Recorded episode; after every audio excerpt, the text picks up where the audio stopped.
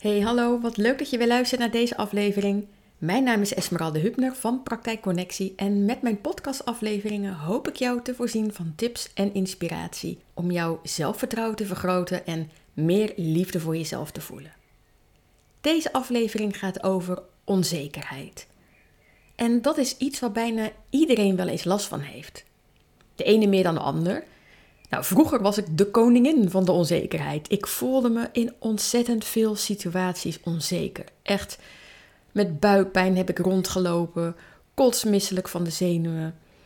Dat ik me soms zo klein voelde en zo ellendig. Echt verschrikkelijk. Dus ik weet heel goed hoe het is om je onzeker te voelen. En inmiddels is het al zoveel minder en um, voel ik veel meer zelfvertrouwen. En dat is wel heel veel meer relaxter, moet ik zeggen. Dus hoe kan je nou het beste omgaan met die onzekerheid? Nou, dat bespreek ik in deze aflevering. Als eerste is het belangrijk om je onzekerheid te accepteren.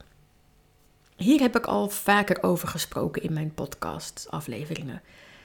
Door je onzekerheid te accepteren en door het te zien als een deel van jezelf wat er mag zijn, dan kan je er makkelijker mee omgaan. Accepteer dat jij bent zoals je bent en accepteer dat deel in jou dat zich onzeker voelt. Dat is pas echte zelfliefde, dat je kunt houden van alle delen van jezelf. Ook van de delen die je eigenlijk zou willen veranderen. Nou, geloof me, door je onzekerheid te accepteren, door het te laten zijn, door het te omarmen, kan je het veel beter loslaten. Dus wees lief voor het onzekere deel van jou. En dit vind ik zelf een hele mooie affirmatie die je erbij kan helpen. En dat is: Ondanks mijn onzekerheid accepteer ik mezelf volledig. Ondanks mijn onzekerheid accepteer ik mezelf volledig. Het tweede wat je kan doen is het onderzoeken van je onzekerheid. Waar komt dit vandaan? Nou, grote kans dat dit is ontstaan in je kindertijd. Uh, misschien ben je gepest, weet je niet gezien door je ouders, of misschien was je moeder heel onzeker en je bent haar gedrag gaan kopiëren. Nou, kunnen allerlei oorzaken zijn. Kijk, je hoeft echt niet alles te kunnen verklaren altijd. Het is wel handig om te weten welke angst er zit. Welke overtuigingen zorgen ervoor dat jij je onzeker voelt? is het angst om afgewezen te worden? Angst om er niet bij te horen? Of ben je vooral bezig met wat anderen van je vinden? Heb je geen vertrouwen in jezelf dat je om kan gaan met een bepaalde situatie? Hou je jezelf graag veilig? Dus wat, wat is het precies? Kijk eens of je het kan verwoorden. En dat kan in de ene situatie heel anders zijn dan in de andere situatie. Ik voelde mij vroeger bijvoorbeeld heel onzeker Ehm, in gesprekken bij andere mensen. Want mijn overtuiging was dat iedereen kon communiceren behalve ik. En dat ik ook niet duidelijk kon communiceren. En dat ik niet spontaan was. Dus dat hielp allemaal niet mee. Dat waren overtuigingen die zorgden voor die onzekerheid in die situatie. En ik voelde me ook onzeker bijvoorbeeld tijdens het autorijden. En dat had meer te maken um, bang om de controle los te laten, angst om uit mijn comfortzone te stappen, dat ik me niet altijd veilig voelde, dat ik geen vertrouwen had in mezelf. Dus per situatie kan het anders zijn. Dus ga dat eens voor jezelf onderzoeken. En het volgende om je te beseffen is dat het in je hoofd zit. Je hebt een verhaal gecreëerd rondom de situatie waar je in zit. Je gaat er onbewust vaak van uit dat je zal worden afgewezen, of dat mensen iets van je gaan vinden, of dat je niet kan dealen met een bepaalde situatie. Je hebt uit ervaringen in het verleden een conclusie getrokken. Je bent iets gaan geloven over jezelf, over de wereld om je heen. Maar dit is niet de waarheid. Het is iets waar jij in gelooft. Wat je zelf hebt gecreëerd in je hoofd. Je vult dingen in, je denkt voor anderen, je trekt je eigen conclusies, je neemt dingen aan enzovoort. Dus het zit vooral in je eigen hoofd. Al jouw gedachten zorgen ervoor dat jij je onzeker voelt. Het volgende punt is, en dat sluit ook mooi aan bij het, bij het vorige punt, dat niet iedereen op jou let. En ook dat zit in je eigen hoofd. Soms kunnen we enorm bezig zijn met te bedenken wat anderen van ons vinden, of we niet te gek doen, of we wel aardig genoeg zijn, hoe we eruit zien. Besef je dat iedereen alleen maar met zichzelf bezig is? Andere mensen houden zich echt niet zo met jou bezig zoals jij denkt dat ze doen. En heel, eh, eh, als mensen iets van je vinden, nou en?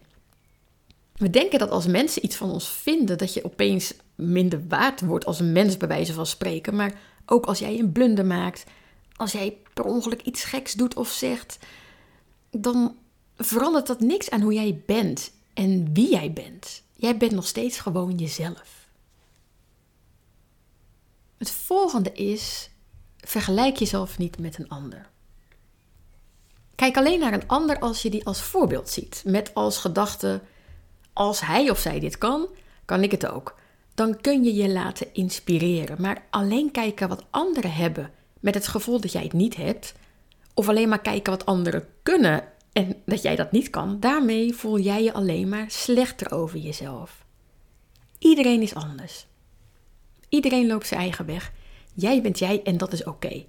En wat ook nog eens is, eh, het geval is dat we vaak denken dat iemand heel veel zelfvertrouwen heeft. Um, iemand doet zo, iemand gedraagt zich alsof ze heel zeker van zichzelf zijn, terwijl ze zich diep van binnen misschien juist heel onzeker voelen. Dus de realiteit is niet dat iemand heel veel zelfvertrouwen heeft als iemand er zo uitziet. Het grote deel van de mensen voelt zich onzeker. Misschien helpt dat besef je ook een beetje. En als laatste, stap steeds een heel klein beetje uit je comfortzone. Want daardoor groeit je zelfvertrouwen.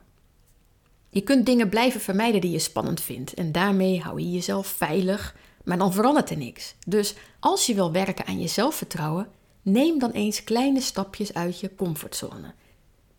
Doe iets wat je eng vindt. En vier daarna een feestje, want je hebt het gedaan.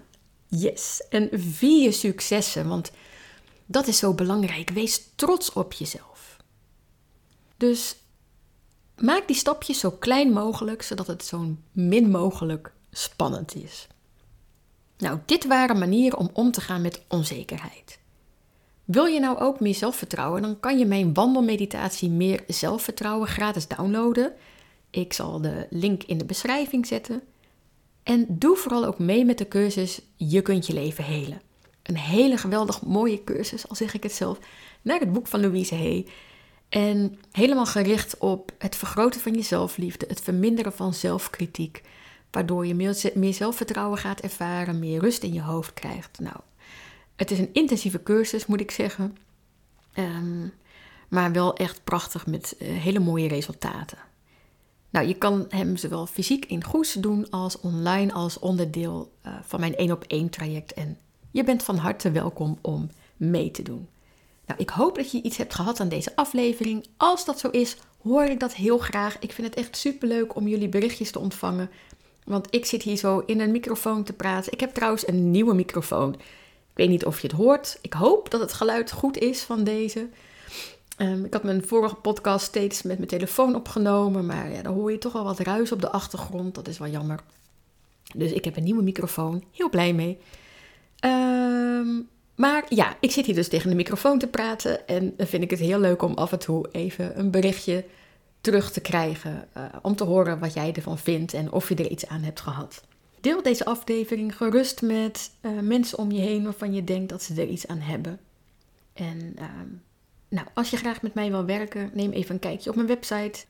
Oké, nou dank je wel weer en een hele fijne dag gewenst. Doei!